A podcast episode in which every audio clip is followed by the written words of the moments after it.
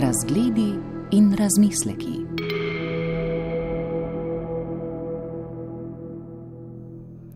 Peter Zeitlinger je eden od najbolj inovativnih in kvalitetnih filmskih snemalcev ter direktorjev fotografije v zadnjih dveh desetletjih in pol. V Pragi leta 1960 rojeni filmski ustvarjalec je pri desetih letih starosti z mamo odšel v Avstrijo, kjer je prevzel očimov priimek. Bil je študent filmske kamere in montaže na Dunajski filmski akademiji. Tam se je spoznal s študijskim kolegom in kasnejšim filmskim režiserjem Ulrichom Zajdlom. Prijatelja sta veliko razpravljala o filmu in po končanem študiju sta se lotila skupnega projekta. Kot je Peter Zeitlinger razložil v pogovoru, se je vse skupaj skoraj končalo s katastrofo, vendar se je za njo zauzel znameniti filmski režiser Werner Herzog. Zeitlinger je potem največ, poleg filmov kolega Zajdla, sodeloval prav z njim. Poleg filmov, kot so Pokvarjeni poročnik New Orleans in Puščavska kraljica, je s Hercegom posnel tudi več odmevnih dokumentarnih filmov, naprimer Jama pozabljenih sanj v tridimenzionalni tehniki o prazgodovinskih risbah v Jami Šovetu v Franciji in človeka Grizlija. Snemajo tudi z različnimi drugimi režiserji, naprimer s Jamesom Frankom in Abelom Ferraro. Zajdlom pa sta, kot menijo filmski kritiki, ustvarila svoj vrstni filmski slog. Zeitlinger tudi predava v Minhnu in v Salzburgu. V Sloveniji in v Gorici je bil konec prejšnjega meseca, ko je prejel nagrado festivala Poklon viziji, ki ga je ustanovil pokojni zamejski rojak, politik in cineast Darko Bratina. Vodil je tudi monstrsko delavnico. Peter Zeitlinger zdaj z ženo Silvijo Vas, tudi filmsko ustvarjalko, živi na kmetiji pri Vidmu v Furlaniji. Rad je blizu naravi, naravne občutke pa prenaša v svoj slog snemanja filmov. Ne mara ničesar umetnega, pretiranega, ne prevelike montaže, ne preveč umetne svetlobe, ne množice kamer na filmskem prizorišču. Tudi kot sogovornik je bil popolnoma naraven, sproščen, prijazen. Prvo vprašanje za nje je bilo, kako gleda na svetlobo v filmu. Saj v času snemanja pogovora sonce počasi prediralo skozi ljubljansko meglo. Caltinger je pojasnil, da na svetlobo gleda kot na fizikalno danost. Potem pa je povedal, kako je prišel do izraza film Blanc v nasprotju s filmom Noir in kaj se mu zdi pri uporabi svetlobe, pri tem ne mara prevelikega umetnega osvetljevanja, najbolj pomembno. The most important it, it is it creates emotion because uh, when we when we uh, perceive the world, we always uh, discover the world as a child, and then. Uh, Najpomembneje je, da svetloba ustvarja čustva. Ko dojemamo svet, ga največkrat raziskujemo kot otroci. Ko smo starejši, smo že zbrali veliko informacij in izkušenj, a naš čustveni svet se oblikuje v zgodnjem otroštvu. Prva izkušnja je rojstvo, ko iz teme pridemo na svetlo. Takrat prvič izkusimo svetlobo. To je tudi najbolj temeljni postopek delovanja filma, saj te kot pri rojstvu popelje iz teme v svet, ki je za zaslonom. Več kot ustvarite vzdušja, bolj se približate, bolj približate tudi občinstvo, temeljnim čustvom, ki ste jih raziskovali kot otrok. Omenili ste današnje megleno jutro. Megla, odkrivanje megle me spremlja že od mojega prvega filma Zadnji preživeli princ. Odkril sem, da sem že takrat uporabljal umetno meglo, da sem ustvaril vzdušje in zgostil svet in zgodbo in jo tako približal občinstvu. To pomeni, da sem jo približal kameri. Vse, kar je daleč, zbledi in ustvari vzdušje ko delam tako imenovane velike filme, pri filmih z majhnim proračunom namreč ni denarja, ne časa, da bi ustvarjali to megleno razpoloženje, si zamišljam, da sem dobil navdih za njeno uporabo. Ampak to sem storil že pri prvem filmu in to spremlja mojo vizijo vse čas. Film Blon je bila nekakšna ideja, ko smo snemali film Pokvarjeni poročnik v New Orleansu. To je bila kriminalka, policijska drama. Podnebje je tam subtropsko ali napoltropsko, ne vem za natančen izraz, a zjutraj je tam vedno sončno in prazno nebo ter zelo čist zrak, popovdne pa se kopičijo oblaki, cumulus nimbus, so viharji, zmrači se in dežuje. Včasih so tam zelo hude nevihte, naslednje jutro pa je spet jasno. Ko smo snemali dnevne scene, sem imel vizijo, da to ne bi bilo kot pri filmu Noir v klasičnih filmih. Želel sem ustvariti brutalnost, ki prihaja z jasnim soncem in zelo izraženimi sencami. Scene smo zmeraj posneli delno zjutraj in potem naslednje jutro in tako naprej, da smo dobili kontinuum svetlobe. Pri scenah, kjer smo potrebovali oblake, težko vzdušje, ko so pripravljali, kar se ni smelo odkriti, ali pa kak zločin, smo vedno snemali na te oblačne popovdneve, kos za kosom. Tega izraza sem se spomnil, ko so me v nekem pogovoru spraševali, zakaj je svetloba tako brutalna v tem filmu. Came to my mind during an interview when they asked me about the design, why the light is so, so brutal in this film. Naslednje vprašanje je nekoliko predvidljivo, govori pa o uporabi kamere. Znani ste potem, da jo radi vzamete v roke in se potem gibljete po prizorišču snemanja, da bi ustvarili čim bolj naravno občutje. Kako bi primerjali statično in gibljivo kamero pri snemanju filmov? As I mentioned, for me, the, uh, I am not creating images. People are saying uh, cinematographer makes beautiful images. I, I don't make images. I try to make a window through the audience can look into a created world. Kot sem že omenil, ne delam podob. Ljudje pravijo, da filmski ustvarjalci delajo lepe podobe. Jaz tega ne počnem. Poskušam ustvariti okno, da lahko občinstvo skozen gleda na ustvarjeni svet. To okno pa je bolj avtentično, če naredite čim manj rezov. Manj kot je montaže, bolj lahko gledalce popeljete po njem. To lahko storite z gibljivo kamero. Pri tem izkusijo svet in ustvarijo tridimenzionalni občutek, ko gledajo skozi to okno, ne tako, kot bi naprimer gledali sliko v muzeju. To je glavni razlog za premikanje kamere. Pri tem se moramo čim bolj izogniti rezom, da bi pa ustvarili ta avtentični občutek. To, to, re, to recreate this um, authentic feeling. Montaža je pomemben del filma. Zdaj, še posebej, ko gledamo reklame, glasbene videe ali komercialne filme, vidimo, vsaj zdi se mi tako, preveč rezov. Podobe zlagajo eno na drugo in to zelo hitro. Kaj menite o takem filmskem pripovedovanju zgodb? The classical montage is a big mistake which came from Eisenstein and, uh, and Kuleshov and all these masters of montage who, who invented Klasična montaža je velika napaka, ki je prišla z Eisensteinom in Kulešovom ter drugimi montažerji, ki so uvedli psihološki učinek, da ko skupaj spravite podobe, iz tega pride nekaj novega. V vsem stoletju in še malo več, odkar obstaja film, je ta način zavajal ustvarjalce, ker so mislili, da je tako lažje. Posneli so en del in potem drugega ter vse dali skupaj. Vsakdo, ki filma ne pozna dobro, uporablja veliko montaže.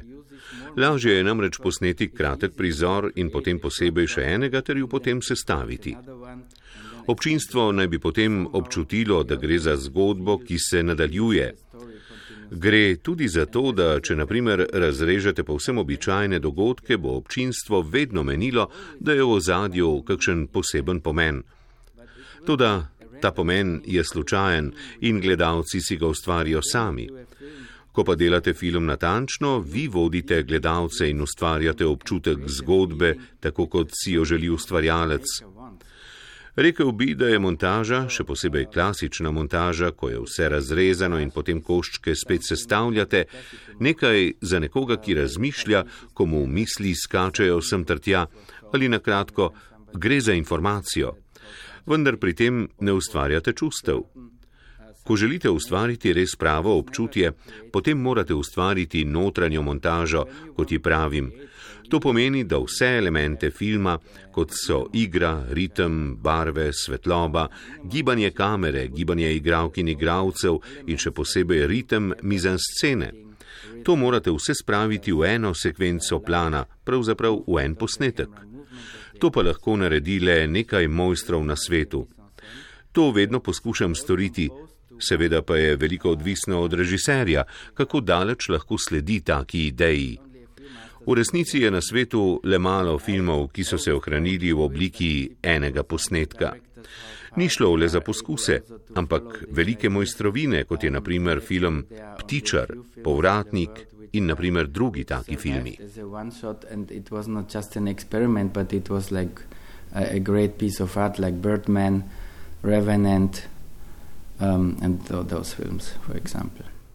Znan je izrek, da je film dober, ko režiser dobro sodeluje z direktorjem fotografije. Kaj menite o tem? Imeli ste zelo pozitivne izkušnje z vašim kolegom študija Ulrichom Zajdlom in tudi z Wernerjem Herzogom. Bi lahko prosim povedali, kako sodelujete z Zajdlom, ki je vaš vrstnik, in kako z Wernerjem Herzogom? Ko ste začeli delati z njim, je bil že zelo uveljavljen, slavni režiser iz druge, starejše generacije kot vi. Yeah, with Ulrich it was uh, very interesting to discover the film language together. And we actually, in that time, we really discovered a new style, which they in Austria call it the Ulrich Seidel style. And many documentaries are kind of copying. Zelo zanimivo je bilo, ko sva z Ulrichom skupaj odkrivala filmski jezik. V tistem času sva odkrila tudi nov slog, kateremu zdaj v Avstriji pravijo slog Ulricha Zajdla. Številni dokumentarni filmi zdaj nekako posnemajo ta način izdelave filma, način kompozicije, način, kako vse elemente filma spravite skupaj. Imamo štiri ali pet takih elementov in potem vstopi kamera, ki se sprehaja med svetovi, gre ven in noter in konča v središču sveta, ki ga upodabljamo. Drugi tak del so pogovori z ljudmi, ki so predstavljeni na zelo jasen način, v tem primeru kot podoba, ne kot okno v svet, da bi ustvarili stilizirano sliko ne toliko, da bi s temi ljudmi skupaj čutili, ampak da bi jim bolj prisluhnili in jih bolje videli. Tretji element je bil krožeči se zapis. V gibanju okoli 360 stopinj je bilo nekaj majhnih sprememb. Na koncu, na primer, je nekdo zapel ali smo pokazali to čudovito lokacijo ob češko-avstrijski meji. Četrti element pa je bil samo prikaz podob ljudi in družin na statičnih fotografijah. Tudi v njih je vseeno bilo malo gibanja. Pojavil se je dim ali pa je curljala voda. Tako je statična fotografija nekako postala živa.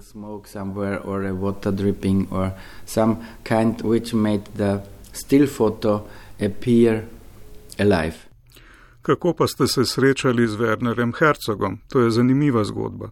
Werner Herzog I met uh, through Ulrich Seidel um, because the first film of Ulrich Seidel um, was very much in danger not to be uh, financed to the end because the people from the film commission who financed Herzoga sem srečal s posredovanjem Ulrika Zajdla.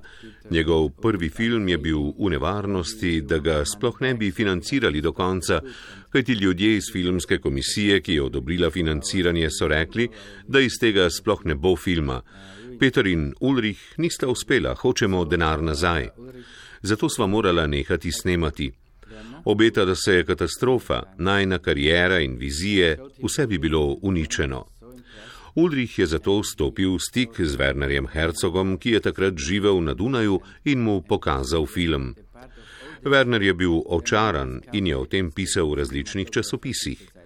Ob tem je tudi zapisal, da je bilo največje odkritje filmski ustvarjalec Peter Zeitlinger. Takrat sem bil zelo počaščen zaradi tega in sem poiskal stik z njim. Takrat ni več posnel veliko filmov, njegova karijera je po smrti Klausa Kinskega šla nekako navzdol. Začela sva sodelovati, si ustvarila novi karieri. Šel je v Ameriko, v Hollywood. And, and then we worked together, and together we started off a new career. And he went to America, to Hollywood, and Nekje sem prebral, da je vaš slavni kolega Sven Nikvist, ko je z Andrejem Tarkovskim snemal film Žrtvovanje, bil zelo presenečen, ko je Tarkovski večkrat pogledal skozi objektiv njegove kamere. Češ, to je moje delo, ti pa počni svoje. Kako gledate na tak način sodelovanja režiserja in direktorja fotografije pri snemanju filma? Bergman was the main director of Sven Nykvist and he, he came from the theater. So he was more focused on, into the directing of actors and directing the stories. Bergman je bil glavni Nikvistov režiser, prišel pa je iz gledališča. Zato je bil bolj osredotočen na vodenje igralcev, na pripovedovanje zgodbe. Svenu pa je popolnoma prepustil oblikovanje podob in filma nasploh. To je zelo podobno delu Wernerja Herzoga. On si nikoli ne želi ogledati posnetega materijala, ne pride k kameri in mi vedno zaupa. Reče mi, Peter, ti kar posnemi. Ve, da bo snemanje potekalo tako, da bo podprlo njegovo zgodbo. Z Ulrihom pa je bilo drugače, podobno kot pri Tarkovskem. Odločila sva se namreč, da bova skupaj oblikovala podobe. O tem sva veliko razpravljala. On je gledal v kamero in potem še jaz. Kamero sva tudi skupaj predstavljala, malo tja, malo sem. Takrat sva zares zelo iskala svoj slog. Zdaj je nekoliko drugače, saj ima vsak svoj video in lahko takoj vidi podobe. Zato je avtoriteta snemalca nekoliko zbledela. Gre nekako za skupinsko delo, za sodelovanje vseh, naprimer tudi maskerja, pa producenta. Vsi gledajo posneto in potem dajajo pripombe, ali ne bi morda naredili to in ono. Zato je zelo pomembno, da imate vi kot dizajner vizije še vedno neke vrste avtoriteto. To se bolj prenaša na osebno raven. Ljudje vam zaupajo, če jim rečete, da predlagana zadeva morda ni slaba, to da ne bo delovala v tem kontekstu. Če so dovolj pametni, to razumejo. Seveda, če ne razumejo, se potem začne igra moči. Rezultat tega potem niso dobri filmi, ker so narejeni na ta način. Of course, when they are, when if they don't really understand, and they start a power game, and then it's then then the result are not very good films, which are done in this way. Zanimiva je vaša vloga direktorja fotografije pri filmih s fiktivno zgodbo, scenarijem in pri dokumentarnih filmih. Kakšne so razlike in podobnosti pri snemanju? Yeah, in my my role is is uh, I think particular because I'm I'm experienced in both documentary and and uh, feature film. Moja vloga je posebna, saj sem izkusil oboje, dokumentarne filme in filme z izmišljeno zgodbo. Oboje najbolj povezuje iskanje avtentičnosti. Kot sem že povedal, je avtentičnost nekaj, kar je onkraj načrtovanja, kar je onkraj oblikovanja zgodbe. Res je, da je treba napisati močno zgodbo in dobro opredeliti vlogo vseh likov, ki morajo biti močni ali v sebi razklani, da ustvarite napetost. To, da na koncu, ko ustvarite sceno, morate, to mora storiti vsak dober režiser, najti zvijačo, da sebe, igralce in vso ekipo spravite malo iz ravnotežja. To pa zato, da se zbudijo in ustvarijo nekaj spontanega. V komercialnem svetu, v filmih z velikim proračunom, samo vestno izpolnjujejo snemalno knjigo ali nekaj, kar je bilo že prej načrtovano drugje. So samo uresničevalci že prej zamišljenega. Včasih se jim to odlično posreči. Toda to ni avtentično, je izumetničeno in čustveno mrtvo. Razlog, da slog dokumentarnega filma uporabljamo v filmih z izmišljeno zgodbo, je, da pri občinstvu ustvarimo občutek, da gledajo nekaj, kar je resnično.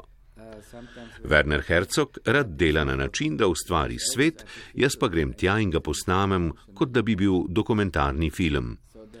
To je popolnoma drugače, kot učijo študente filma ali kot je klasični način delanja filmov. Pri tem načinu gre tako, da imate idejo, potem naredite snemalno knjigo, kdaj boste naprimer imeli posnetek nadaljavo, kdaj boste kamero spet približali, kdaj boste snemali od zgoraj, kdaj boste imeli reze. Werner in jaz pa si tudi pri velikih prizorih, naprimer v hollywoodskem slogu s konji in stotinami statistov, najprej zamisliva prizor, ki bi se odigral, kot da bi bil v resničnem svetu. Potem postaviva eno ali dve kameri, ponavadi samo eno, da bi občinstvo pripeljala v te prizore in da bi jim ustvarila občutek resničnosti.